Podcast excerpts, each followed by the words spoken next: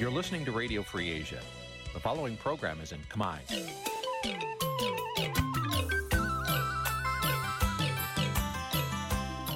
នេះជាកម្មវិធីផ្សាយ Vuthu Azizi Serai នេះជាកម្មវិធីផ្សាយរបស់ Vuthu Azizi Serai ជាភាសាខ្មែរ Vuthu Azizi Serai សូមស្វាគមន៍លោកអ្នកនាងទាំងអស់ពីរដ្ឋធានី Washington នៃសហរដ្ឋអាមេរិក ចាប់ផ្សាយផ្ទាល់ពីរដ្ឋធានី Washington នេះខ្ញុំសុជីវីសូមជម្រាបសួរលោកអ្នកនាងអ្នកស្ដាប់វិទ្យុអាស៊ីសេរីទាំងអស់ជាទីមេត្រី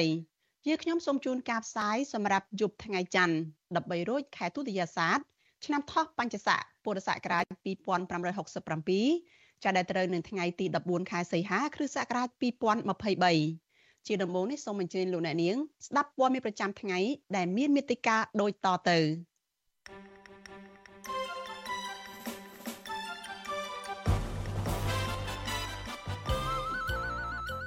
មន្ត្រីសង្គមស៊ីវិលថាប៉ូលីសដែលធ្វើទរណកម្មយុវជនម្នាក់នៅខេត្តបាត់ដំបងមិនអាចបញ្ចប់រឿងត្រឹមការសុំទោសបានទេ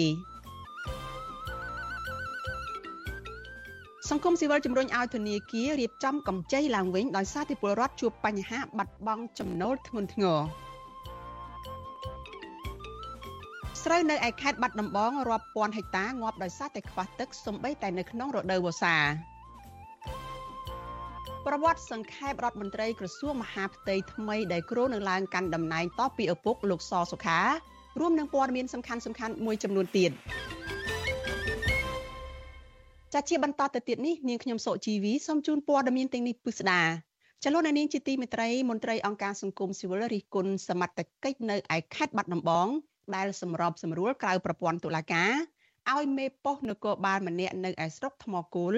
បានរួចផុតពីសំណាញ់ច្បាប់ ក្រោយពីមេប៉ុស្តិ៍រូបនោះបានវាយធ្វើទរណកម្មយុវជនម្នាក់ឲ្យរងរបួសធ្ងន់ចាប្រតិកម្មរបស់មន្ត្រីអង្គការសង្គមស៊ីវិលនេះធ្វើឡើងបន្ទាប់ពីមេប៉ុស្តិ៍នគរបាលនៅឯឃុំតាមើនបានសារភាពទទួលកំហុសនិងធ្វើកិច្ចសន្យា ដោយការសុំទោសបញ្ចប់រឿងក្តីក្តាំនៅព្រឹកថ្ងៃទី14ខែសីហានេះចាលោកអ្នកនាងនឹងបានស្ដាប់សេចក្តីរាយការណ៍នេះពិស្ដានៅក្នុងការផ្សាយរបស់យើងនៅពេលបន្តិចទៀតនេះ កម្មវិធី Vithu Azizi ស្រីសម្រាប់ទូរស័ព្ទដៃ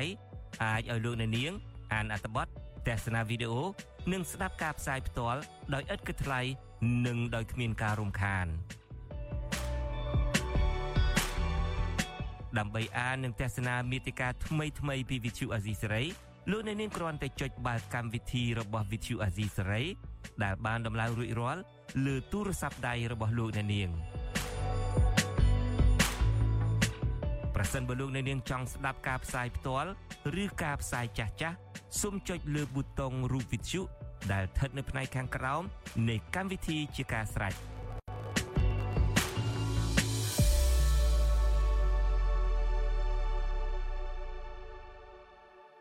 ចាលោកនាងកញ្ញាប្រិយមិត្តជាទីមេត្រីលោកអ្នកកំពុងស្ដាប់វិទ្យុអាស៊ីសេរីចាប់ផ្សាយចេញពីរដ្ឋធានី Washington សហរដ្ឋអាមេរិក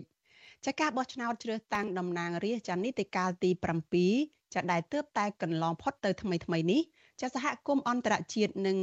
ជាតិចាំមើលឃើញថាគឺជាការបោះឆ្នោតคล้ายៗហើយរដ្ឋាភិបាលអាណត្តិថ្មីនេះនឹងកាត់ឡើងឆាប់ឆាប់ខាងមុខនេះដែរ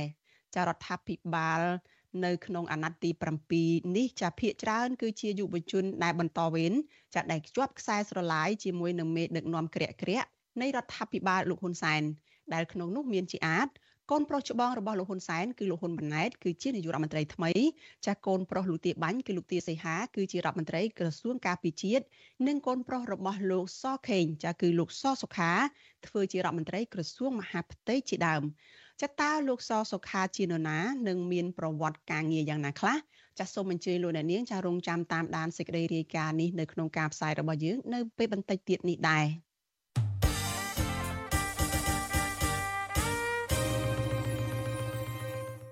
ចាលោកនាងជាទីមេត្រីអតីតករុ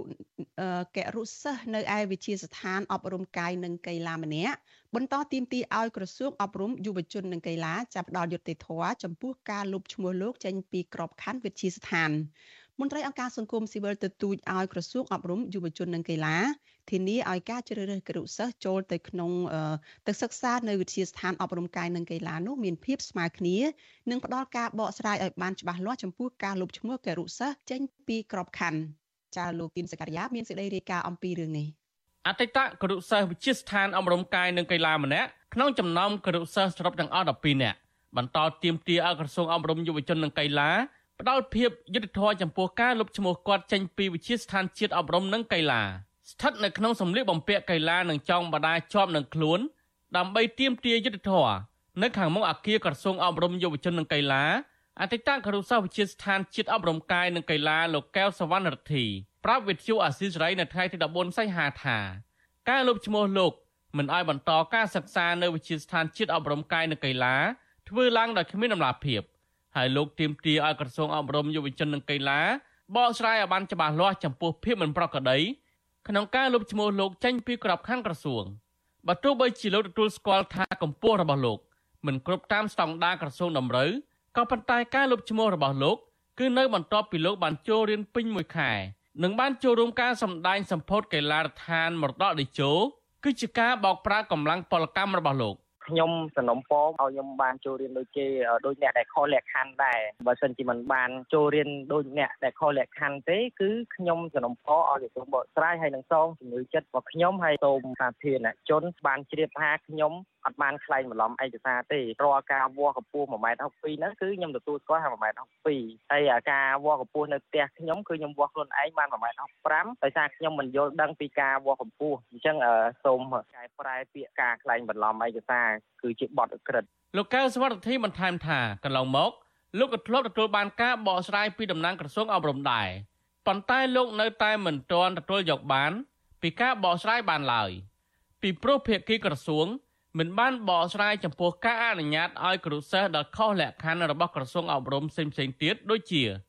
លើសអាយុនិងមានប្តីប្រពន្ធរួច នៅតែបន្តការសិក្សាបាន ដែលលោកចាត់ទុកករណីនេះថាមិនមានដំណាភាពដោយឡែកអាជ្ញាធរខណ្ឌដូនពេញប្រមាណជា10នាក់បានមកសួរនាំការតវ៉ារបស់លោកកែវសវត្ថិប៉ុន្តែក្រុមអាជ្ញាធរ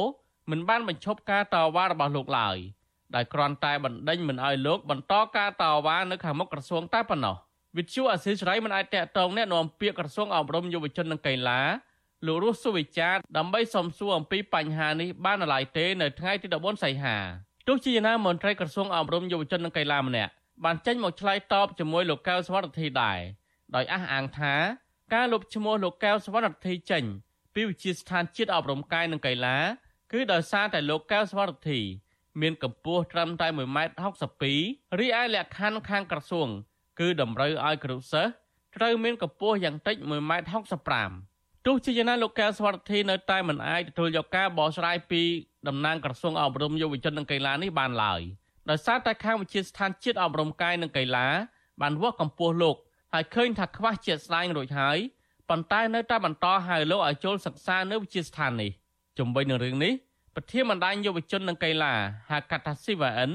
លោកអូលវ៉ាន់គាំទ្រចំពោះភាពក្លាហានរបស់យុវជនកែវសវត្ថិក្នុងការទៀមទាយុទ្ធធរលោកថាការលុបឈ្មោះគរុកសិស្សចេញពីវិទ្យាស្ថានជាតិអប់រំកាយនិងកីឡាទាំង12នាក់មិនត្រឹមតែធ្វើឲ្យពួកគេបាត់បង់ឱកាសសិក្សានៅវិទ្យាស្ថានផ្សេងផ្សេងទៀតប៉ុណ្ណោះទេប៉ុន្តែក៏ធ្វើឲ្យប៉ះពាល់ដល់ផ្លូវចិត្តនិងការចំណាយជាច្រើនរបស់គ្រូសិស្សទាំងនោះលោកអ៊ុលវ៉ាន់បន្ថែមថាដើម្បីផ្ដល់យុទ្ធធម៌ទៅដល់គ្រូសិស្ស ដែលក្រសួងលុបឈ្មោះចេញទាំងនេះក្រសួងអប់រំយុវជននិងកីឡាគួរតែបកស្រាយឲ្យបានច្បាស់លាស់ចំពោះការអនុញ្ញាតឲ្យគ្រូសិស្សដែលខុសលក្ខខណ្ឌផ្សេងៗទៀតបន្តការសិក្សា ការផ្ដល់នៅសំណងណាមួយការឆ្លើយតបណាមួយការទទួលខុសត្រូវណាមួយចំពោះយុវជនទាំងជាង10នាក់ហ្នឹងខ្ញុំគិតថាវាគឺជារឿងដែលរដ្ឋាភិបាលជាពិសេសក្រសួងហ្នឹងត្រូវតែធ្វើឲ្យបានត្រឹមត្រូវដើម្បីធានាថាការសម្រេចចិត្តរបស់ក្រសួងហ្នឹងមិនប៉ះពាល់ទៅដល់ជីវភាពឬក៏មិនប៉ះពាល់ទៅដល់អនាគតជោគវាសនារបស់យុវជនដែលពួកគាត់មានក្តីសង្ឃឹមថាពួកគាត់អាចនឹងទទួលបានការងារក្របខ័ណ្ឌជាមួយនឹងក្រសួងប៉ុន្តែស្រាប់តែធ្វើឲ្យពួកគាត់ខាតពេលវេលាខូចទឹកចិត្តប៉ះពាល់ទៅដល់អនាគតជោគវាសនារបស់គាត់ជាដើមកន្លងមកតំណាងអាណាព្យាបាលករុសិស្សចំនួន12នាក់ក៏សុំធ្លាប់បានដាក់ពាក្យសុំអន្តរាគមន៍ពីរដ្ឋមន្ត្រីក្រសួងអប់រំយុវជននិងកីឡាលហុងជុននរ៉ុនដើម្បីសុំបញ្ចូលឈ្មោះកូនកូនរបស់ពួកគាត់ឲ្យបន្តការសិក្សានៅវិទ្យាស្ថានជាតិអប់រំកាយនិងកីឡាវិញដែរកាលពីខែមករាឆ្នាំ2022ប៉ុន្តែអគ្គនាយកនៃអគ្គនាយកដ្ឋានកីឡារបស់ក្រសួងអប់រំលោកអុកសិទ្ធិជាតិមិនបានបកស្រាយជំវិញភាពមិនប្រក្រតីនៃការលុបឈ្មោះគ្រូសិស្សទាំង12នាក់ ដោយសមហេតុផលនោះឡើយលោកកែវសវត្ថិបញ្ជាក់បន្ថែមថាលោកនឹងបន្តការតវ៉ានៅខាងមុខក្រសួងអប់រំយុវជននិងកីឡានៅរៀងរាល់ថ្ងៃច័ន្ទបើសិនជាក្រសួងអប់រំនៅតែមិនផ្ដល់ភាពយុត្តិធម៌ចំពោះរូបលោកខ្ញុំបាទទីនសាការីយ៉ាអាស៊ីសេរីប្រធានាធិបតី Washington ចលនានាងកញ្ញាប្រិយមិត្តជាទីមេត្រីចានៅពេលបន្តិចទៀតនេះ ចាយើងនឹងលោកអ្នកនាងនឹងបានស្ដាប់នឹងទស្សនាការចាក់ផ្សាយឡើងវិញចាកម្មវិធី podcast របស់ Vithu Azizi សេរីចាកម្ពុជាសប្តាហ៍នេះដែលនឹងជជែកផ្ដោតទៅលើវប្បធម៌បន្ទោសជនរងគ្រោះចាលោកជុនច័ន្ទមុតនិងលោកសំពូលីចារួមជាមួយនឹងលោកតាក់មេងហៀងនឹងជជែកគ្នាអំពីផលវិបាកទៅដល់សង្គមដោយសារតែវប្បធម៌បន្ទោសជនរងគ្រោះចាសូមអញ្ជើញលោកអ្នកនាងចារងចាំតាមដានការចាក់ផ្សាយឡើងវិញកម្មវិធី podcast របស់ Vithu Azizi សេរីនៅពេលបន្តិចទៀតនេះ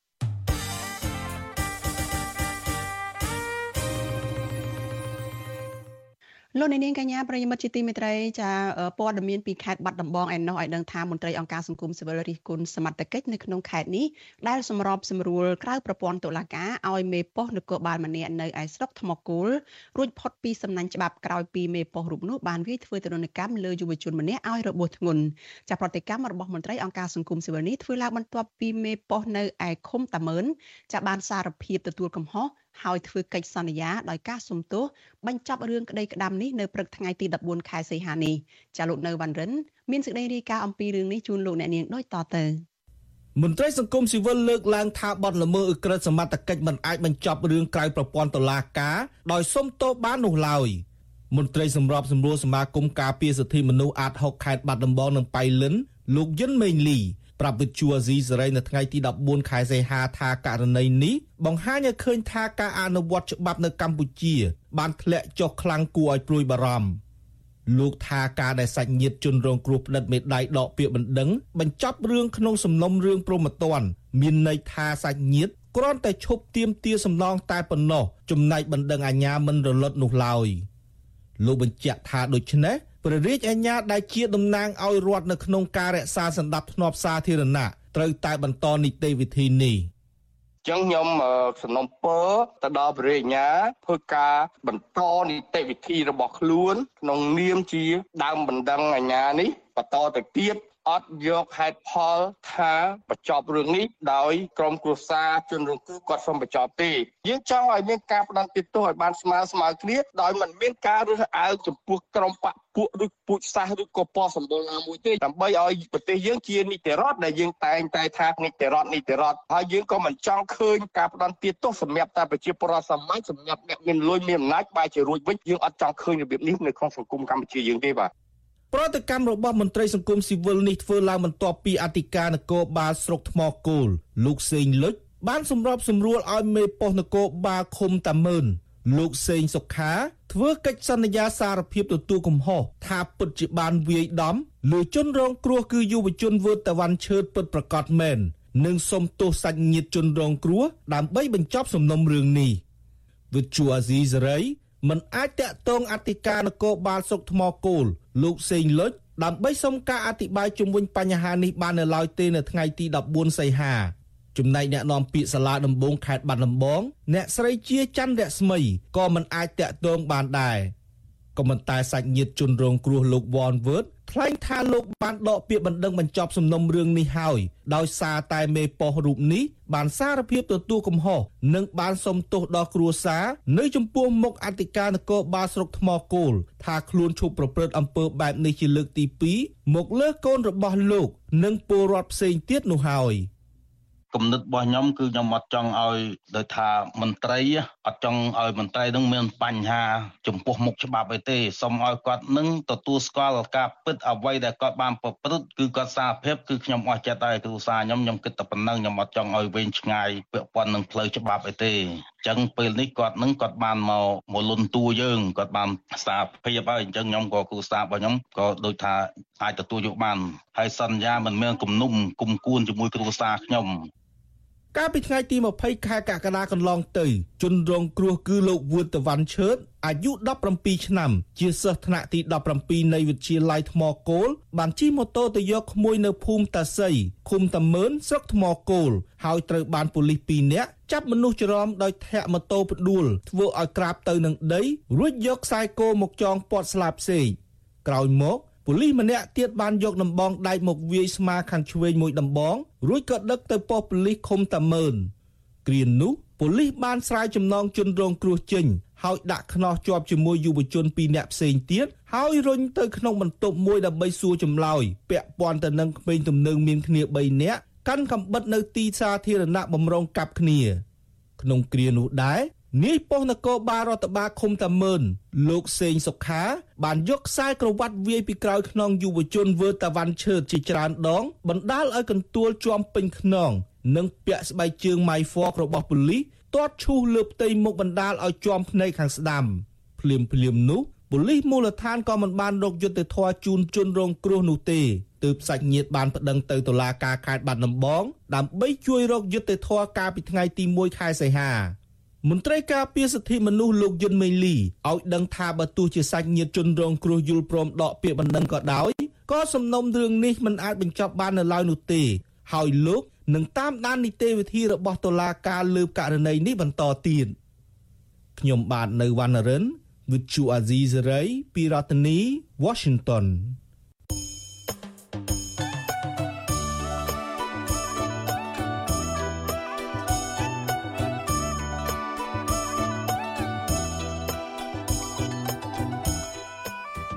ចាលោកនាងកញ្ញាជាទីមេត្រីចាដំណើរគ្នានឹងស្ដាប់ការផ្សាយផ្ទាល់របស់ Vithu Azizi សេរីចាតាមរយៈបណ្ដាញសង្គម Facebook YouTube ចានិង Telegram ចាលោកនាងក៏អាចស្ដាប់ការផ្សាយរបស់ Vithu Azizi សេរីនេះចាតាមរយៈ Vithu រលកធាតុអាកាសខ្លីចាតាមកម្រិតនិងកម្ពស់ដូចតទៅនេះចាពេលព្រឹកចាប់ពីម៉ោង5កន្លះដល់ម៉ោង6កន្លះតាមរយៈ post SW 12.14 MHz ចាស្មើនឹងកម្ពស់ 25m និង post SW 12.13.71 MHz ស្មើនឹងកម្ពស់ 22m ចាប់ពេលយប់ចាប់ពីម៉ោង7កន្លះដល់ម៉ោង8កន្លះតាមរយៈ post SW ចាប់9.33 MHz ស្មើនឹងកម្ពស់ 32m post SW 11.88 MHz ស្មើនឹងកម្ពស់ 25m និង post SW 12.15 MHz ស្មើនឹងកម្ពស់ 25m ចលនានាងកញ្ញាជាទីមេត្រីចាព័ត៌មានជាបន្តទៅទៀតនេះចាតកតងទៅនឹងកម្ចីរបស់ប្រជាពលរដ្ឋចាគឺប្រជាពលរដ្ឋដែលកំពុងតែជំពាក់បំណុលធនាគារឯនេះវិញមន្ត្រីអង្គការសង្គមស៊ីវិលជំរុញឲ្យស្ថាប័នផ្ដល់ប្រាក់កម្ចីចារៀបចំកម្ចីឡើងវិញដើម្បីពន្យាឬក៏បន្ធូរបន្ថយការសងត្រឡប់ដោយសារតែប្រាក់ចំណូលរបស់ប្រជាពលរដ្ឋកំពុងតែធ្លាក់ចុះខ្លាំង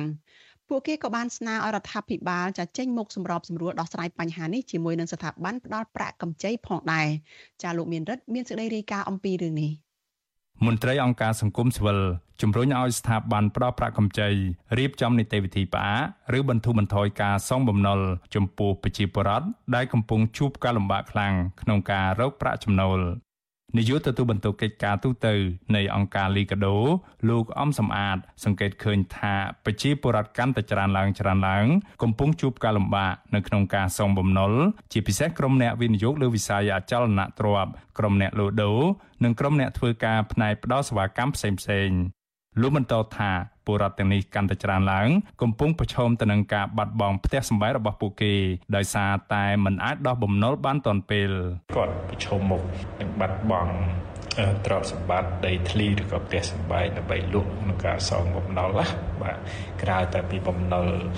មីក្រូវេនធូធនាគារគាត់មានបំណុលឯកជនមួយចំនួនទៀតដែរនឹងជាហានិភ័យខ្ពស់សម្រាប់ពួកគាត់ ការទទូចរបស់មន្ត្រីសង្គមស៊ីវិលបែបនេះកើតមានឡើងក្នុងពេលដែលប្រជាពលរដ្ឋជាច្រើនអ្នកដែលជាកូនបំណុលកំពុងត្អូញត្អែពីការលំបាកនៅក្នុងការរកប្រាក់បង់ធនាគារនិងមីក្រូហិរញ្ញវត្ថុមិនបានដោយសារតែប្រាក់ចំណូលរបស់ពួកគាត់ធ្លាក់ចុះនៅក្នុងពេលជាមួយគ្នានេះក៏មានពលរដ្ឋមួយចំនួនដែលបានទិញផ្ទះបង់រំលោះពីបូរីក៏កំពុងដាក់ស្លាកលក់ផ្ទះជាបន្តបន្ទាប់ដោយសារតែគ្មានលទ្ធភាពបង់ប្រាក់ឲ្យបូរី ប្រធានមជ្ឈមណ្ឌលប្រជាពលរដ្ឋដើម្បីអភិវឌ្ឍនិងសន្តិភាពលោកយងកំឯងមានប្រសាសន៍ថាចំនួនផ្ទះដាក់លក់កាន់តែច្រើន បង្ហាញថាស្ថានភាពជីវភាពរបស់ប្រជាពលរដ្ឋកាន់តែជួបនឹងការលំបាកខ្លាំងពិនិត្យមើលទៅលើថាអ្នកដែលដាក់ផ្ទះលក់ក៏ច្រើនបាទផ្ទះលក់ផ្ទះជួលច្រើនណាស់ឥឡូវបាទហើយព័ត៌មាននៃអ្នកដែលបាត់បង់ផ្ទះ ក៏មានព័ត៌មានច្រើនដែលអត់មានលទ្ធភាពក្នុងការបង់រំលោះផ្ទះនឹងបាទហើយអ្នកចម្ពាក់បំណុលគេអានេះយើងអឺមិនបាច់និយាយទេព្រោះដោយសារថា មានច្រើនស្រាប់ទៅហើយបាទចំណែកប្រធានសហជីពសេរីកម្មករអ្នកស្រីទូចសាឲ្យដឹងថាជាទូទៅកម្មករជំពាក់បំណុលលើសពីមួយស្ថាប័ន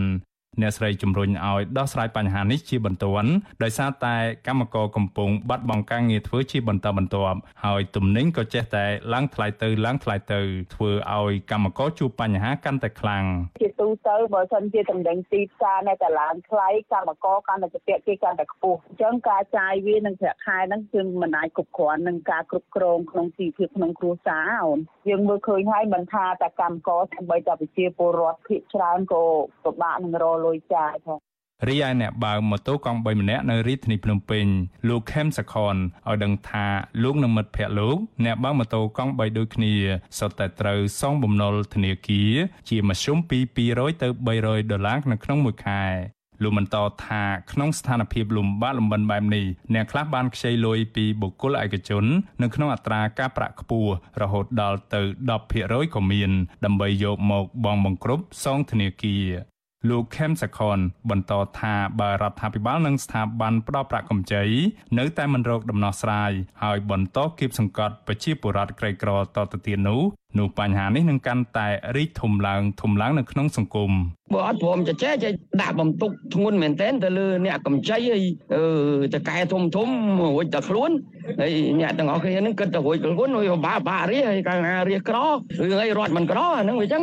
បាទវាប៉ះទាំងអស់គ្នាប៉ះទាំងអស់គ្នាហ្នឹងហើយ វិសុវអាស៊ីស្រីមិនអាចតតងแนะនាំពាក្យក្រសួងសេដ្ឋកិច្ចនិងហិរញ្ញវត្ថុលោកមាសសុកសេនសាន និងអគ្គទេសាភិបាលធនាគារជាតិនៃកម្ពុជា អ្នកស្រីជាស្រី ដែលទើបឡើងកាន់តំណែងតាមជើងខោឪដើម្បីសាកសួរបញ្ហានេះបាននៅឡើយទេនៅថ្ងៃទី14ខែសីហា ចំណែកឯអ្នកនាំពាក្យសមាគមមីក្រូហិរញ្ញវត្ថុលោកកាំងតងីថ្លែងថាគោលការណ៍រៀបចំកម្ចីឡើងវិញ ដែលអនុវត្តនៅក្នុងអំឡុងពេលជំងឺ Covid-19 នោះបានបិទបញ្ចប់ហើយក៏ប៉ុន្តែលោកថាបើទោះបីជាគោលការណ៍នេះបានបញ្ចប់ហើយក៏ដោយក្តីក៏ធនាគារឬគ្រឹះស្ថានមីក្រូហិរញ្ញវត្ថុនៅតែសម្របសម្រួលរៀបចំឲ្យអតិថិជន ដែលមិនមានលទ្ធភាពសងបំណុលដែរ ក៏ប៉ុន្តែលោកថាត្រូវទម្លាក់បន្ទុកអតិថិជននោះដែលអាចឲ្យអតិថិជន ពិបាកខ្ចីនៅពេលក្រោយជាធម្មតាគឺយើងមានគោលនយោបាយក្នុងការសម្របសម្រួលដល់អតិថិជនយើងមានន័យថាប្រសិនបើអតិថិជនគាត់អត់អត្តភាពហើយយើងក៏អត់អាចបង្ខំគាត់ដែរអាហ្នឹងត្រូវតែរៀបចំអន្តៀនឡើងវិញជូនគាត់ហើយប៉ុន្តែការរៀបចំឡើងអន្តៀនឡើងវិញជូនអតិថិជនផ្អែកតាមច្បាប់ គឺយើងត្រូវទម្លាក់ចំណាត់ថ្នាក់អន្តទានមួយហ្នឹងឬក៏ភាសាសាមញ្ញមានន័យថាកាលណាអតិជនដែលធ្លាប់រៀបចំអន្តទានឡើងវិញក្នុងពេលធម្មតាបែបនេះគឺគាត់រៀងទៅធ្លាក់បន្ទុក លោកកាំងតងីឲ្យដឹងថាបច្ចុប្បន្ននេះមានអតិថិជនស្នើរៀបចំកម្ចីឡើងវិញរហូតដល់ប្រមាណ5%ខណៈនៅមុនការរាតត្បាតនៃជំងឺ Covid-19 មានអតិថិជនស្នើរៀបចំកម្ចីឡើងវិញតែ1%ហើយក្នុងអំឡុងពេលវិបត្តិជំងឺ Covid-19 មានតែប្រមាណ3%តែប៉ុណ្ណោះ កាលពីខែកញ្ញាឆ្នាំ2022ក្រសួងសហព័ន្ធអាល្លឺម៉ង់សម្រាប់កិច្ចសហប្រតិបត្តិការសេដ្ឋកិច្ចនិងការអភិវឌ្ឍបានចេញរបាយការណ៍សិក្សាមួយ បង្ហាញថាពលរដ្ឋកម្ពុជាជិត170,000នាក់បានលក់ដីសមបំណុលក្នុងរយៈពេល5ឆ្នាំចុងក្រោយចំណែករបាយការណ៍របស់អង្គការសង្ត្រាល់បង្ហាញថាពលរដ្ឋខ្មែរប្រមាណ3លាននាក់កំពុងធ្វើការជាពលករចំណាក់ស្រុកនៅក្នុងប្រទេសថៃ ដែលអ្នកទាំងនោះភ័យច្រើនកំពុងជំពាក់បំណុលធ្ងន់ធ្ងរខ្ញុំបានមេរិត Visual C ស្រី ពីរដ្ឋធានី Washington ចាលោកនាងកញ្ញាជាទីមេត្រីចានៅក្នុងពេលបន្តិចទៀតនេះចាលោកនាងនឹងបានទស្សនាកម្មវិធី podcast របស់វិទ្យុអាស៊ីសេរីចាកម្ពុជាសប្តាហ៍នេះចាដែលយើងនឹងចាក់ផ្សាយឡើងវិញពីការជជែក តាក់ទងទៅនឹងវប្បធម៌បន្ទុះជនរងគ្រោះចាលោកជួនច័ន្ទបុតលោកសំពូលីចារួមជាមួយនឹងលោកតាក់មិញហៀងជជែកគ្នាអំពីផលប៉ះពាល់ឬក៏ផលវិបាកទៅដល់សង្គមដោយសារតែវប្បធម៌បន្ទុះជនរងគ្រោះចាសូមអញ្ជើញលោកនាងចារួមចាំតាមដានកិច្ចពិភាក្សាកម្មវិធី podcast របស់វិទ្យុអាស៊ីសេរីនេះនៅពេលបន្តិចទៀតនេះ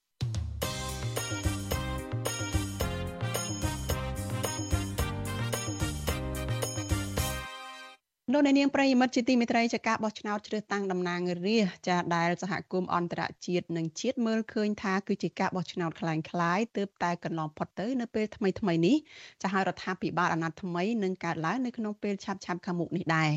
ចារដ្ឋាភិបាលថ្មីនៅក្នុងអាណត្តិទី7នេះចាភាកច្រើនគឺជាយុវជនដែលបន្តវេនដែលជាប់ខ្សែស្រឡាយនឹងមេដឹកនាំក្រាក់ក្រាក់នៃរដ្ឋាភិបាលលោកហ៊ុនសែន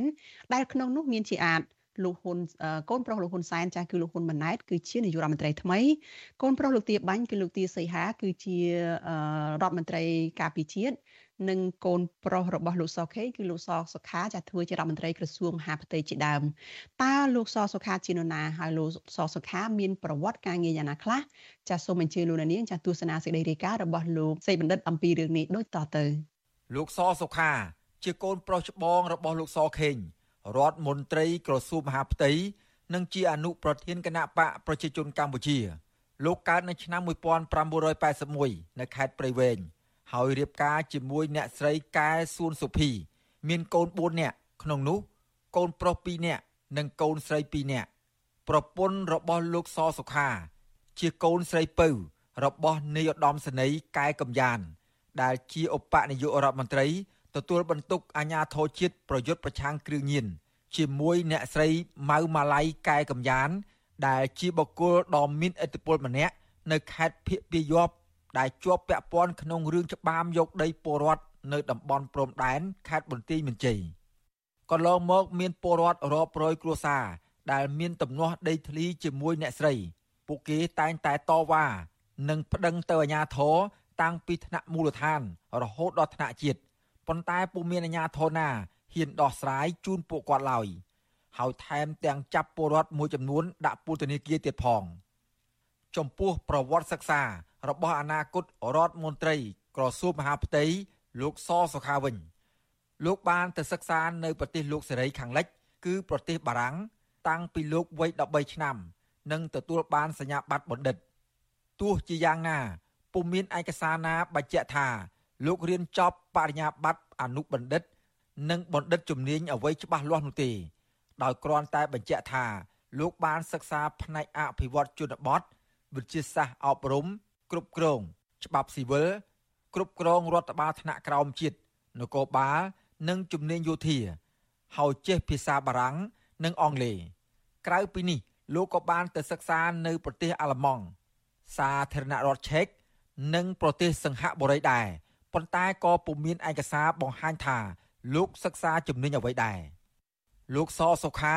ក្នុងវ័យ42ឆ្នាំថ្មីត្បិតជាកូនមន្ត្រីជាន់ខ្ពស់នៃរដ្ឋាភិបាលលហ៊ុនសែនក្តីក៏លោកទើបលេចមុខជាសាធារណៈប្រមាណជា10ឆ្នាំចុងក្រោយនេះទេក្នុងរយៈពេលជាង10ឆ្នាំមកនេះលោកធ្លាប់ធ្វើជានគរបាលក្របខ័ណ្ឌក្រសួងមហាផ្ទៃជាជំនួយការឪពុករបស់លោក គឺលោកសខេង ជាស្នងការរងនគរបាលរាជធានីភ្នំពេញទទួលបន្ទុកសណ្ដាប់ធ្នាប់ និងជារដ្ឋលេខាធិការក្រសួងអប់រំក្រៅពីនេះលោកត្រូវបានតែងតាំងជាប្រធានក្រុមប្រឹក្សាអភិបាលនៃសាកលវិទ្យាល័យជាតិមានជ័យក្នុងខេត្តបន្ទាយមានជ័យសាកលវិទ្យាល័យជាតិបាត់ដំបងក្នុងខេត្តបាត់ដំបង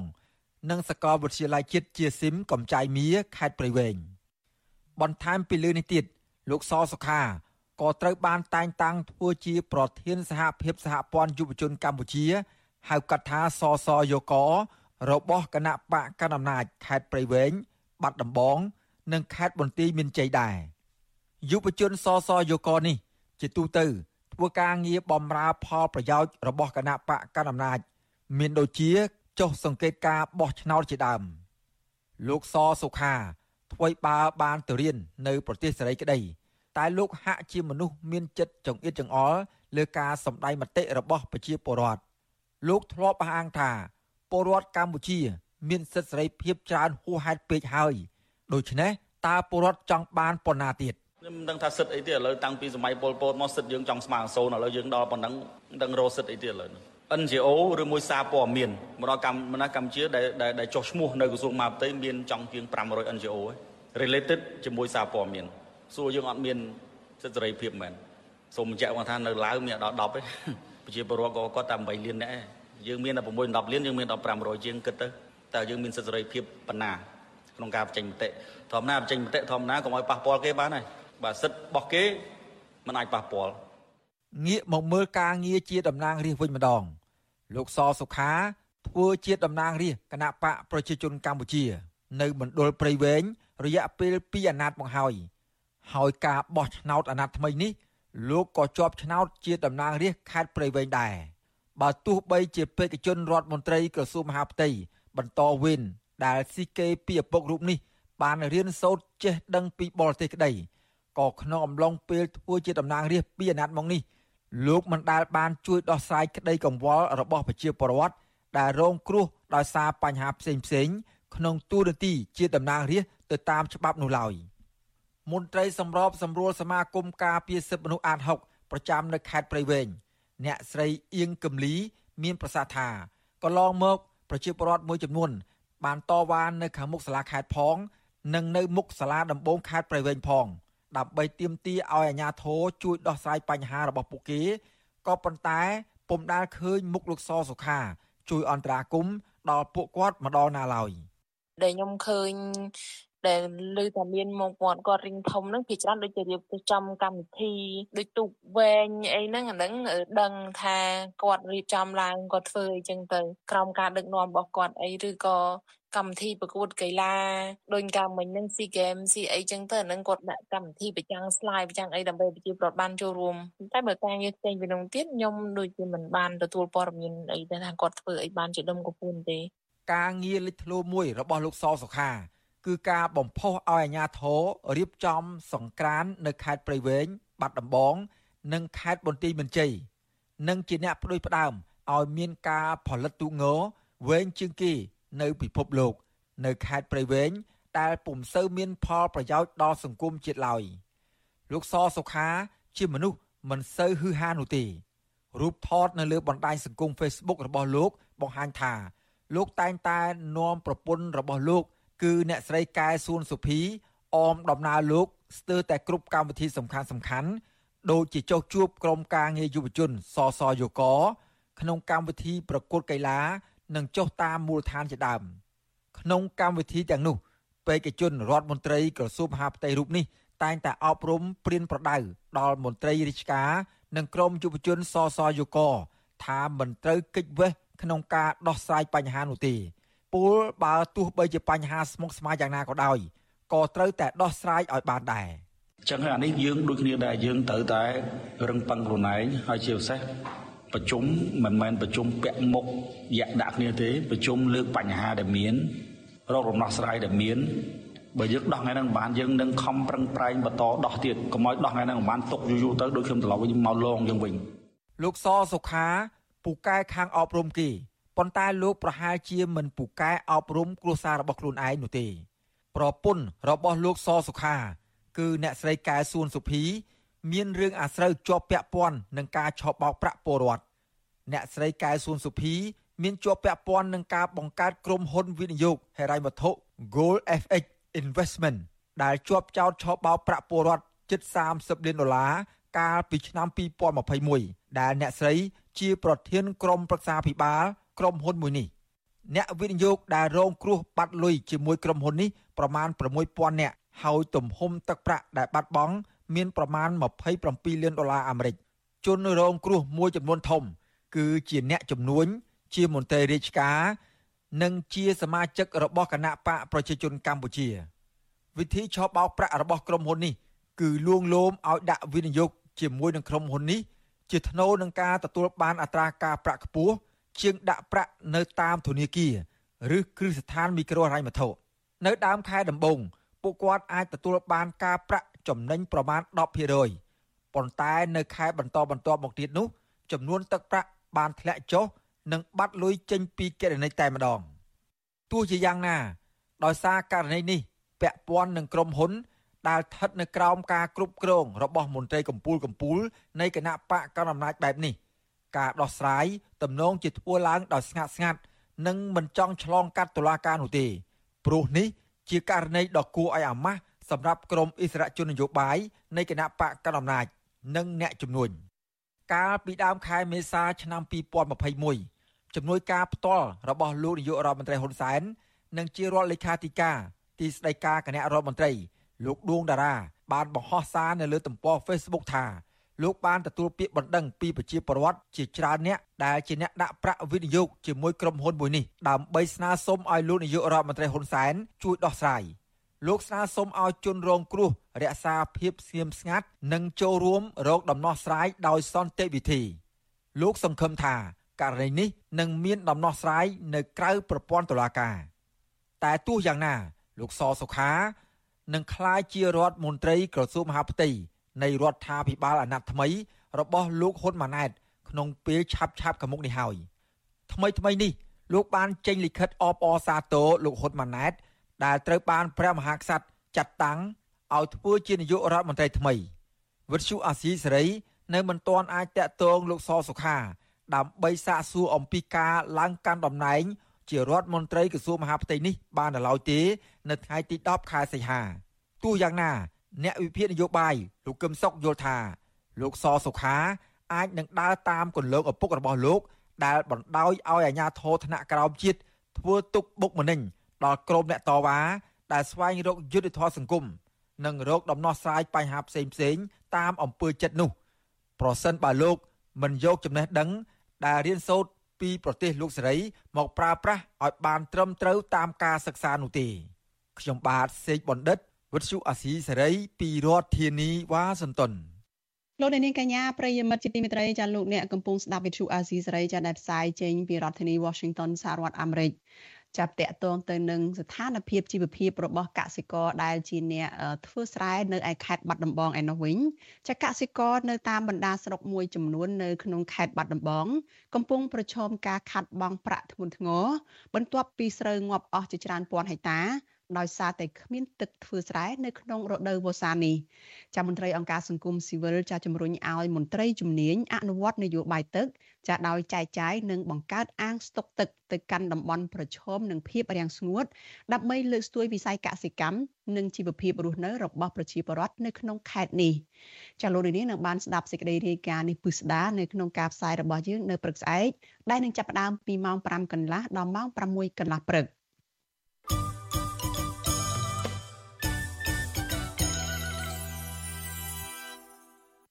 លោកអ្នកនាងកញ្ញាប្រិយមិត្តជាទីមេត្រីចាជាបន្តទៅទៀតនេះចាសូមអញ្ជើញលោកអ្នកនាងចាមកស្ដាប់ឬក៏ទស្សនាការផ្សាយឡើងវិញកម្មវិធី podcast របស់ Vithu Azizi សេរីចាកម្ពុជាសប្តាហ៍នេះដែលនឹងជជែកតាក់ទងពីវប្បធម៌បន្ទោសជនរងគ្រោះចាលោកជុនច័ន្ទបុតលោកសំពូលីចារួមជាមួយនឹងលោកតាមីហៀងជជែកគ្នាពីផលវិបាកទៅដល់សង្គមដោយសារតែវប្បធម៌បន្ទោសជនរងគ្រោះចាសូមអញ្ជើញលោកអ្នកនាងចាទស្សនាកម្មវិធី podcast របស់ Vithu Azizi សេរីនេះដូចតទៅ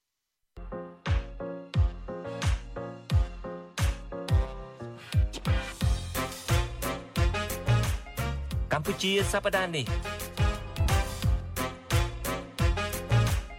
នេះគឺជាកម្មវិធី podcast របស់ Vuthu Azizi Serai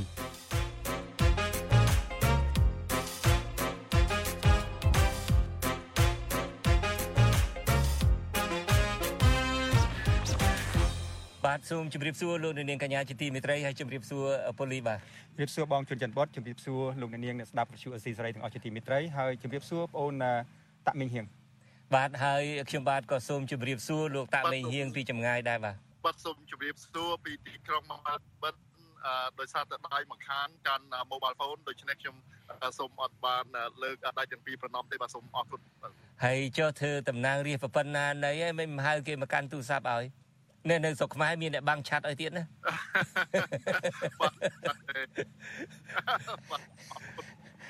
អញ្ចឹង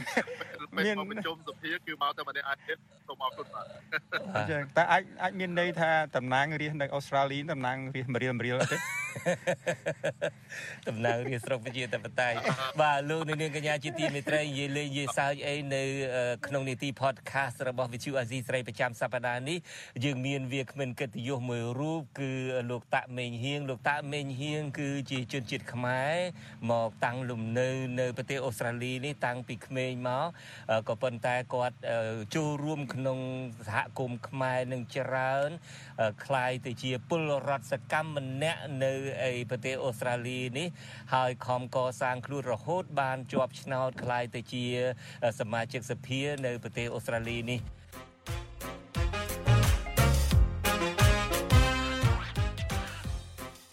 ប៉ូលីថ្ងៃនឹងយើងចង់ទៅចែកគ្នាអីខ្លះជាមួយនឹងលោកតាក់មេងហៀង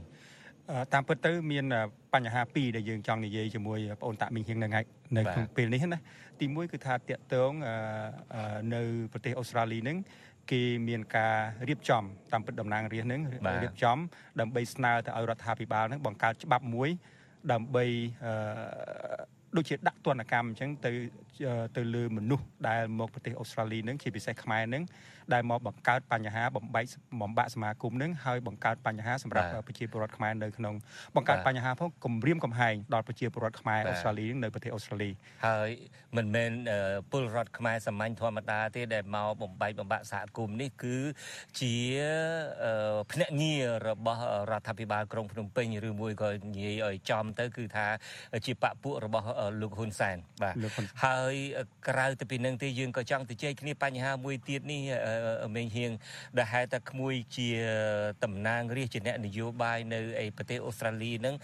ពូចង់ទៅជែកគ្នាអំពីរឿងអំពីអាវប្បធម៌បន្ទោសអ្នករងគ្រោះនៅស្រុកខ្មែរយើងយើងដឹងហើយគឺថាយើងចូលចិត្តបន្ទោសអ្នករងគ្រោះ ជិះជាងបន្ទោសអ្នកដែលធ្វើបាបប៉ុន្តែឥឡូវនេះយើងទៅជែកគ្នាអំពីរឿងថាតើនៅប្រទេសអូស្ត្រាលីនេះបន្ទាប់ពីមានការជជែកពិភាក្សានៅក្នុងសភាថ្មីថ្មីនេះហើយគេបានលើកបញ្ហាកម្ពុជានឹងជាឧទាហរណ៍ជាក់ស្ដែងផងតើមេហៀងអាចមានអីអាចជួយបញ្យល់ឲ្យខ្វះក្បាយជាងនឹងបានទេហេតុអីបានជា ខាងសភាអូស្ត្រាលីខាងជាអ្នកមុខអ្នកការអូស្ត្រាលីនឹងហាក់ដូចជាយកចិត្តទុកដាក់អំពីបញ្ហានឹងម្លេះបាទអឺ បាទសូមអរគុណពូជួនច័ន្ទបុតហើយនិងបងពូលីនៅក្នុងនៃនេះគឺមិនមែនគ្រាន់តែសភាអូស្ត្រាលីនឹងយកចិត្តទុកដាក់ពីរឿងខ្មែរយើងនោះទេក៏ប៉ុន្តែសភាអូស្ត្រាលីគឺយកចិត្តទុកដាក់ចំពោះប្រជាជនអូស្ត្រាលីតែម្ដងដោយសារតែប្រជាជនខ្មែរយើងដែលរស់នៅក្នុងប្រទេសអូស្ត្រាលីនេះសរុបមានជាងប្រមាណជា30000នាក់ហ្នឹងតួលេខវាអាចច្រើនជាងនឹងបន្តិចបន្តួចហ្នឹង គឺបានសេចក្តីថាបើកាលណាយើង ជាប្រជាជនដើមកំណើតខ្មែរក៏មានពិតក៏ប៉ុន្តែមានសញ្ជាតិអូស្ត្រាលីគឺយើងត្រូវទទួលបាននៅការគាំពៀនៅការការពារហើយនឹងការលើកទឹកចិត្តនៅក្នុងការរស់នៅ ក្នុងរបៀបសុខដុមរមនាហើយការទំនាក់ទំនងការចូលរួមនៅក្នុងសកម្មភាពសង្គមដូចជាការថែរក្សាវប្បធម៌អរិយធម៌របស់ដើមកំណើតរបស់ផងខ្លួនហ្នឹង គឺរដ្ឋាភិបាលអូស្ត្រាលីបានចំណាយថវិកាធ្វើគោលការណ៍នយោបាយសំខាន់សំខាន់ជាច្រើនដើម្បីការពារនៅវប្បធម៌អរិយធម៌ដែលយើងពំនាំមកក្នុងប្រទេសអូស្ត្រាលីនេះ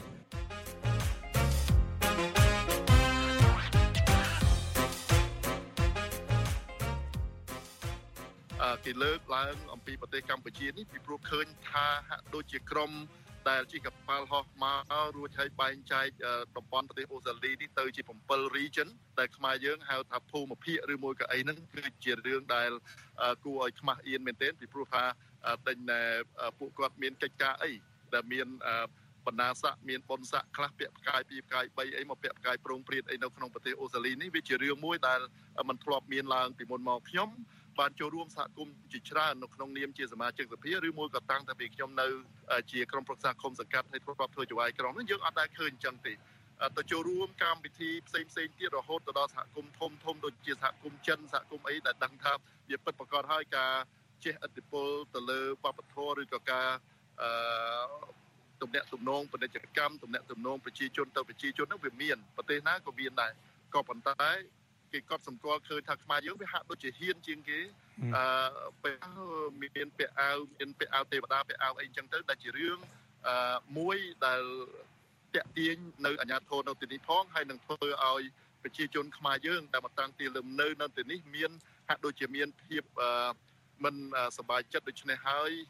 បានជាតាក់ទាញរហូតទៅដល់អាញាធរហើយនឹងបើមានមែនតើនោះមួយទៀតហ្នឹងគឺការដែលលើកឡើង អំពីសកម្មភាពរបស់អ្នកជីកប៉ាល់ហោះម៉ោនៅក្នុងសភាជាតិអូស្ត្រាលីនេះគឺមិនមែនជារឿងមួយលេងលេងស្រាលស្រាលនោះទេពូបាទ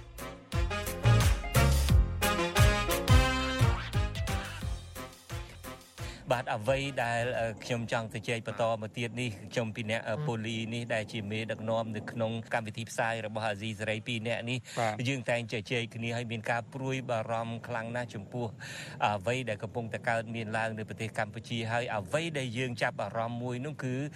វប្បធម៌បន្ទោសជនរងគ្រោះនឹងតែម្ដងអ្វីដែលយើងចង់យកមកជជែកពេលនេះយើងដឹងហើយនៅស្រុកខ្មែរយើងនឹងអឺ ហាក់ដូចជាមានវប្បធម៌មួយបន្ទោសជនរងគ្រោះនឹងចនិចមិនសូវទៅបន្ទោសអ្នកដែលជន់ដៃដល់អ្នកដែលធ្វើទុកបុកម្នេញលើគេទេឧទាហរណ៍យើងឃើញថ្មីថ្មីនេះនៅពេលដែលលោកនាយករដ្ឋមន្ត្រីហ៊ុនសែននឹងដេញចាប់ដេញចងសកម្មជននយោបាយដែលជាសិទ្ធិនយោបាយរបស់ពួកគាត់សោះហ្នឹងគេមិនអ្នកបន្ទោសរឿងបន្ទោសហ៊ុនសែនហ្នឹងក៏បន្ទោសហើយក៏ប៉ុន្តែនៅមានអ្នកខ្លះដែលបន្ទោស មេដឹកនាំនៃគណៈបកប្រឆាំងទៅវិញថាមកពីមេដឹកនាំគណៈបកប្រឆាំងនឹងហើយនាំប្រឆាំងចេះទៅនាំប្រឆាំងចុះទៅ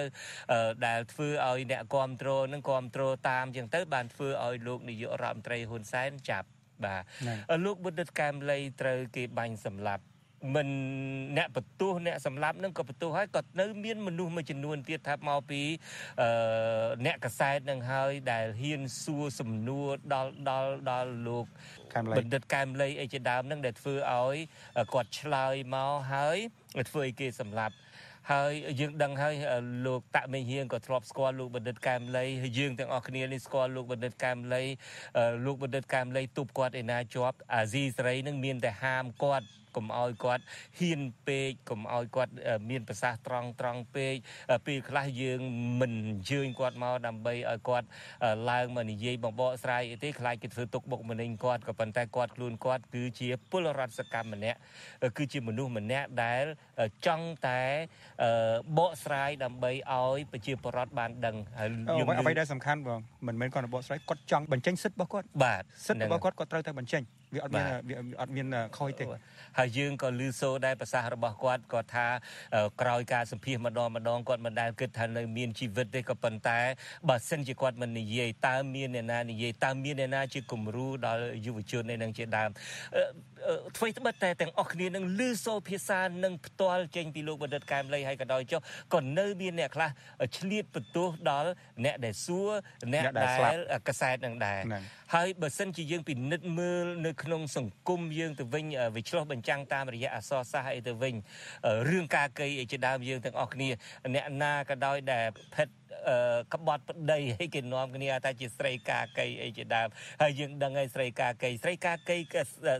ជាជនរងគ្រោះម្នាក់របស់ស្ដេចព្រហ្មទត្តដែលការមកហើយនឹងមិនយកចិត្តទុកដាក់ទេមិនថែទេមួយថ្ងៃមួយថ្ងៃនឹងទៅលេងសើចអីជាមួយនឹងលបែងបាសកាជាមួយស្ដេច គ្រុតស្ដេចអីអីនឹងជាដើមអីចឹងទៅរហូតដល់ស្ដេចគ្រុតឃើញចឹងទៅក៏អាណិតទៅក៏បបោសលួងលោមទៅក៏ចាប់បង្រត់យកទៅអីចឹងទៅដូច្នេះនាងកាកៃនឹងគឺជាជនរងគ្រោះម្នាក់ របស់ស្ដេចព្រហ្មទត្តក៏ប៉ុន្តែទីបំផុតវាដកជាប់នៅក្នុង ភាសាសង្គមរបស់យើងនឹងគឺថាជាស្រីកាកៃមានន័យថាស្រីផិតប្តីអីចឹងដូច្នេះអវប្បធម៌នៃការបន្ទោសជនរងគ្រោះនឹងហាក់ដូចជាដិតជាប់នៅក្នុងខួរក្បាលរបស់ខ្មែរយើងតែម្ដងតើយើងធ្វើបែបណាដើម្បីឲ្យប្រជាពលរដ្ឋយើងនឹងលែងប្រកាន់យកអវប្បធម៌បន្ទោសជនរងគ្រោះនឹងហើយតើនៅប្រទេសអូស្ត្រាលីវប្បធម៌គេនឹងមានអវប្បធម៌បន្ទោសជនរងគ្រោះដូចខ្មែរយើងនឹងដែរទេមេហៀងនៅនៅប្រទេសអូស្ត្រាលីនេះអឺតាមអឺទម្លាប់គឺអាញាធរជាអ្នកទទួលខុសត្រូវខ្ញុំគ្រាន់តែចង់លើកឡើងត្រង់ចំណុចលោកគូបានលើកឡើងនេះគឺជាអ្វីដែលយើងបានបានឃើញក៏ប៉ុន្តែមិនដឹងថាត្រូវ ចាប់ផ្ដើមពីការធ្វើបដិវត្តវប្បធម៌របស់យើងឬមួយក៏ខិតខំប្រឹងប្រែងដើម្បីព្យាយាមឲ្យសហគមន៍ខ្មែររបស់យើងបានយល់ក៏ប៉ុន្តែប្រធានបទដែលលោកពូលើកឡើងចំណុចបំបញ្ញមួយនេះគឺមានសារៈសំខាន់ណាស់ដែលខ្ញុំយល់ថាគឺជាការបញ្ញាក់នៅស្មារតីនៅការគិតផ្នត់គំនិតរបស់សហគមន៍ខ្មែរយើងខ្ញុំលពូចាំច្បាស់នៅក្នុងទីក្រុងមែលប៊ននេះនៅក្នុងឆ្នាំម្ដុំជា2018 គឺនៅពេលហ្នឹងគឺមានមានដឹកនាំសហជីពមួយរូបដែលគាត់នៅប្រទេសកម្ពុជានៅឡើយហ្នឹងគាត់បាននិទានរឿងឧទាហរណ៍ដូចជាស្ត្រីវ័យក្មេងម្នាក់គាត់ស្លៀកខ្លីគាត់អីអញ្ចឹងទៅរួចគាត់ដើរយប់អីអញ្ចឹងទៅហើយក៏ជួបនៅរឿងឧបទ្ទវហេតុដូចជាមានការប្រមាថទៅដល់រូបរាងកាយរបស់គាត់អីអញ្ចឹងទៅហើយអ្នកស្រុកគាត់អត់បន្ទោសអ្នកដែលដាយដល់ទេគាត់បែរជាបន្ទោសថាមិនបាត់ដើរយប់ហើយតែមិនស្លៀកខ្លីឯដើរយប់អីអញ្ចឹងទៀត អឺកន្លែងហ្នឹងគឺតបញ្ជាក់យ៉ាងច្បាស់នៅសំណួររបស់លោកពូខាងយើងនៅក្នុងប្រទេសអូស្ត្រាលីនេះខ្ញុំជឿជាក់ថាมันអត់សោះនោះទេក៏ប៉ុន្តែបើសិនជាមេដឹកនាំសហគមន៍ឬមួយក៏អ្នកនយោបាយជាពិសេសហ្នឹងខាង academic គឺអ្នកដែលនៅក្នុងវិស័យអប់រំហ្នឹងគឺគាត់បានយកចិត្តទុកដាក់ហើយខ្ញុំយល់ថាផ្នត់គំនិតនៅក្នុង ប្រទេសអូស្ត្រាលីនេះវាមិនអត់សោះនោះទេក៏ប៉ុន្តែបើសិនជាយើង victimize បានន័យថាយើងបន្ទោសទៅដល់អ្នករងគ្រោះហ្នឹងគឺមិនបង្ហាញនៅភាពជាអ្នកដឹកនាំហើយក៏មិនបង្ហាញនៅភាពជាអ្នកដែលកាច់ចង្កូតប្រទេសទាំងមូលនោះទេពូបាទ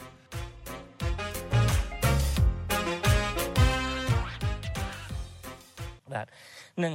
ខ្ញុំគ្រប់គ្រងទាំងស្រុងចំណុចនឹងអញ្ចឹងមកថាយើងលើកយកអាវប្បធម៌ជនបន្ទោសជនរងគ្រោះនឹងយកមកទៅចែកនឹងពីព្រោះថាវាអាចមាន គ្រោះថ្នាក់ដល់សង្គមជាតិគ្រោះថ្នាក់ដល់សង្គមជាតិបែបណាឧទាហរណ៍ក្នុងការបោះឆ្នោតថ្មីថ្មីនេះគណៈបកភ្លើងទៀនត្រូវគេផាត់ចោលមិនអោយចូលប្រកួតប្រជែងក្នុងការបោះឆ្នោតទាំងអស់គ្នាដឹងហ្នឹង អ្នកដែលសិក្សាអ្នកដែលតាមដាន ស្ថានភាពនៅប្រទេសកម្ពុជា ដឹងថាមកពីលោកនាយករដ្ឋមន្ត្រីហ៊ុនសែននឹងឃើញសន្ទុះនៃការគ្រប់គ្រងរបស់គណៈបកភ្លើងទៀនបើសិនជាចូលមកប្រកួតប្រជែងការបោះឆ្នោតទៅវាអាចនឹងបានកៅអីវាអាចមានសម្លេង20 30អាសនៈនៅក្នុងសភាអីចឹងទៅដែលធ្វើឲ្យទើសមុខទើសមាត់លោកនាយករដ្ឋមន្ត្រីហ៊ុនសែនដូច្នេះគាត់ត្រូវតែដកចោលមិនឲ្យគណៈបកនឹងចូលរួមក្នុងការបោះឆ្នោតអ្នកដែលសិក្សា អ្នកដែលឯករាជ្យមើលទៅឃើញចំហហ្នឹងក៏ប៉ុន្តែទីបំផុតអ្វីដែលលេះយើងទាំងអស់គ្នាដឹងហើយលេះដែលលោកហ៊ុនសែនមិនអោយគណៈបកភ្លើងទៀនចូលប្រកួតក្នុងការបោះឆ្នោតហ្នឹងគឺថាមកពីខ្វះឯកសារឯកសារដើមបាទអ្វីដែលគេនិយាយតាមតុកាហ្វេអ្វីដែលគេនិយាយនៅតាមបណ្ដាញសង្គម Facebook ហ្នឹងគេថាហួចចុះទៅធ្វើគណៈបកអីហ្នឹងមកដឹងសង្ឃឹមថាដឹកនាំប្រទេសជាតិឯណាបានបើសូម្បីតែกระดาษ ចុះបញ្ជីមួយមួយសន្លឹកនឹងអត់រក្សាទុកបានផងដូច្នេះអានឹងវិជាការបន្ទោសជនរងហើយបើសិនជាយើងមើលមែនតើឧបមាថាបើសិនជាពួកគាត់នឹងគណៈបកភ្លើងទៀននឹងមានអាកដាស់នឹងទៅចុះឈ្មោះមែនតើលោកហ៊ុនសែននឹងអាចអត់អាចរកលេសអីទៀតទេមិនចឹងលេសមកលៀនទៀតមិនចឹងលេសថាលោករងឈុននឹងចេះលេសថាអនុប្រធានគណៈបកនឹងគឺលោកថៃសេដ្ឋានឹងវាមានរឿងចេះវាមានរឿងចុះទៅ ចេញក៏ស្រែកស្អុយអីចឹងទៅក៏កាត់ទោសយប់នឹងចឹងទៅមុនគេបិទថ្ងៃបោះឆ្នោតនឹងទៅ ហើយបង្ហាញថាមេគណៈបកនឹងគឺជា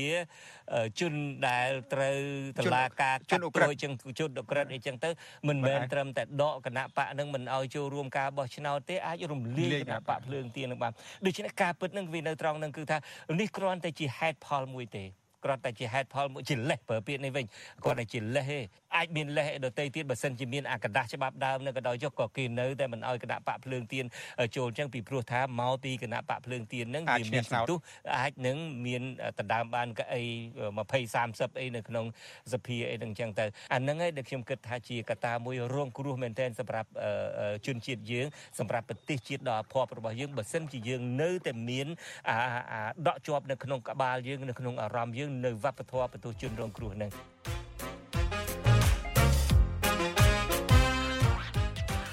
ខ្ញុំនឹកឃើញអ្វីដែលបងជុនច័ន្ទបតធ្លាប់និយាយកាលពីភាគ5ភាគ6ហ្នឹងគឺថាខ្មែរយើងត្រៀមកពិតមែនប៉ុន្តែមានភ្លៀងមួយមេមករីកស្រស់បំប្រងហ្នឹងអញ្ចឹងអញ្ចឹងសេចក្តីសង្ឃឹមគឺថាយើងត្រូវតែសង្ឃឹមហើយការសង្ឃឹមរបស់យើងនឹងគឺថាយើងសង្ឃឹមថាប្រជាពលរដ្ឋខ្មែរយើងទូទាំងពិភពលោកគ្រប់លំដាប់ថ្នាក់ទាំងអស់ ដូរចិត្តដូរគំនិតកុំបន្ទោសឈប់បន្ទោសជនរងគ្រោះតទៅទៀតហើយគួរតែរមូលហេតុសមរម្យត្រឹមត្រូវដែលអាចទទួលយកបាន ការពារជនរងគ្រោះលើកទឹកចិត្តរងគ្រោះជនរងគ្រោះដើម្បីបន្តធ្វើអ្វីដែលល្អសម្រាប់គាត់បាទការពិតទាំងពូលីនិយាយទាំងមេហៀងលើកឡើងនឹងផ្ដល់ការសង្ឃឹមច្រើនណាការពិតអ្វីត្បិតតែខ្ញុំធ្វើកសែតរាល់ថ្ងៃនេះគឺថា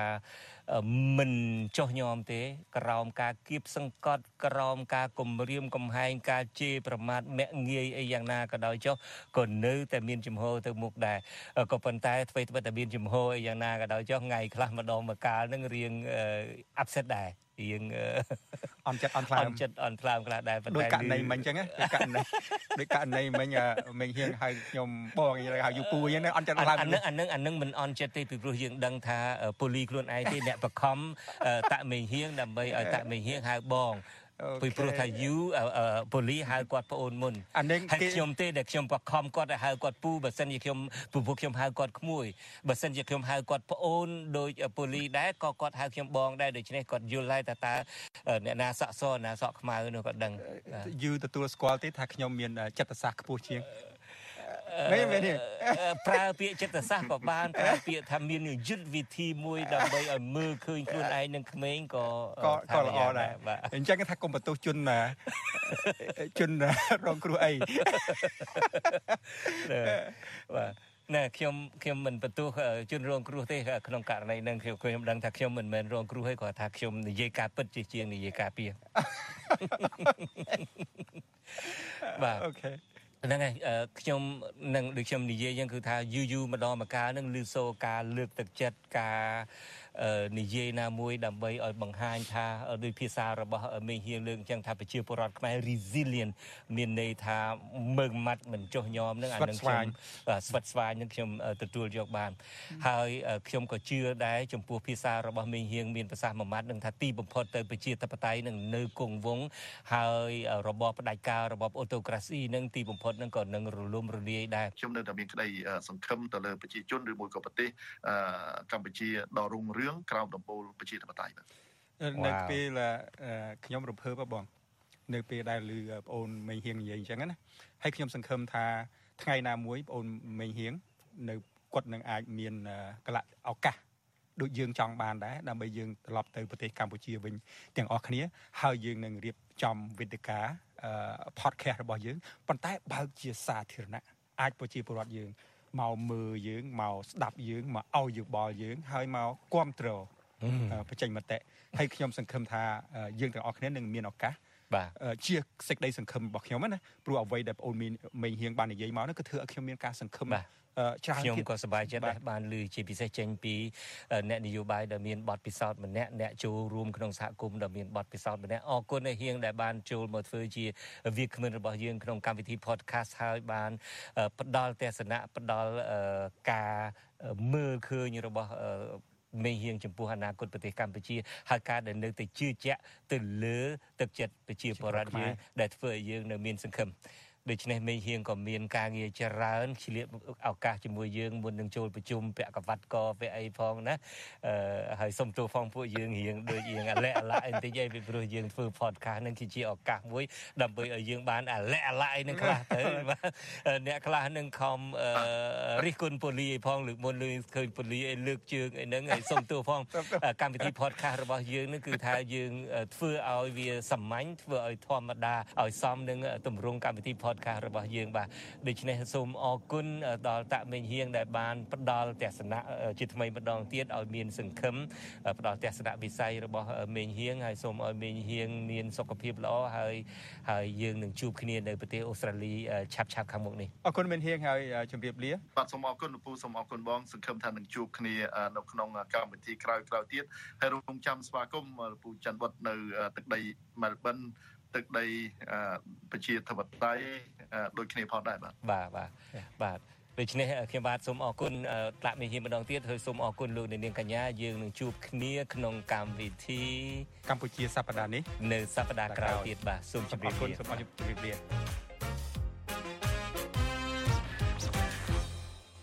ចាលោកនាងកញ្ញាជាទីមេត្រីចាកម្មវិធី podcast របស់ Vithu Azizi សេរីចាកម្ពុជាសប្តាហ៍នេះចាមានផ្សាយជូនលោកអ្នកនាងនៅរៀងរាល់ព្រឹកថ្ងៃច័ន្ទចាមកនៅកម្ពុជាចានៅក្នុងសប្តាហ៍នីមួយៗចាកម្មវិធីនេះចាដោយលោកអ្នកនាងបានដឹងហើយគឺរៀបចំឡើងដោយលោកសំពូលីចានិងលោកជុនច័ន្ទបុតដែលលោកទាំងពីរជាប្រធាននិងជាអនុប្រធានការផ្សាយ Vithu Azizi សេរីជាភាសាខ្មែរ ចាហើយលោកអ្នកនាងអាចស្វែងរកស្ដាប់កម្មវិធី podcast របស់វិទ្យុអាស៊ីសេរីកម្ពុជាសប្តាហ៍នេះបានដោយលោកអ្នកនាងវាយពាក្យថាកម្ពុជាសប្តាហ៍នេះឬ Cambodia this week ចានៅក្នុងប្រអប់ស្វែងរកចានៅតាមកម្មវិធី podcast ដែលមានដូចជាចាតាមកម្មវិធីរបស់ Apple Google និង Spotify ជាដើម ចាហើយកម្មវិធី podcast របស់បញ្ជូអាស៊ីសេរីនេះចាក៏នឹងចាក់ផ្សាយឡើងវិញតាមបណ្ដាញសង្គម Facebook YouTube និង Telegram ចានៅក្នុងកម្មវិធីផ្សាយផ្ទាល់របស់បញ្ជូអាស៊ីសេរីចានៅរៀងរាល់យប់ថ្ងៃច័ន្ទចាម៉ោងនៅកម្ពុជា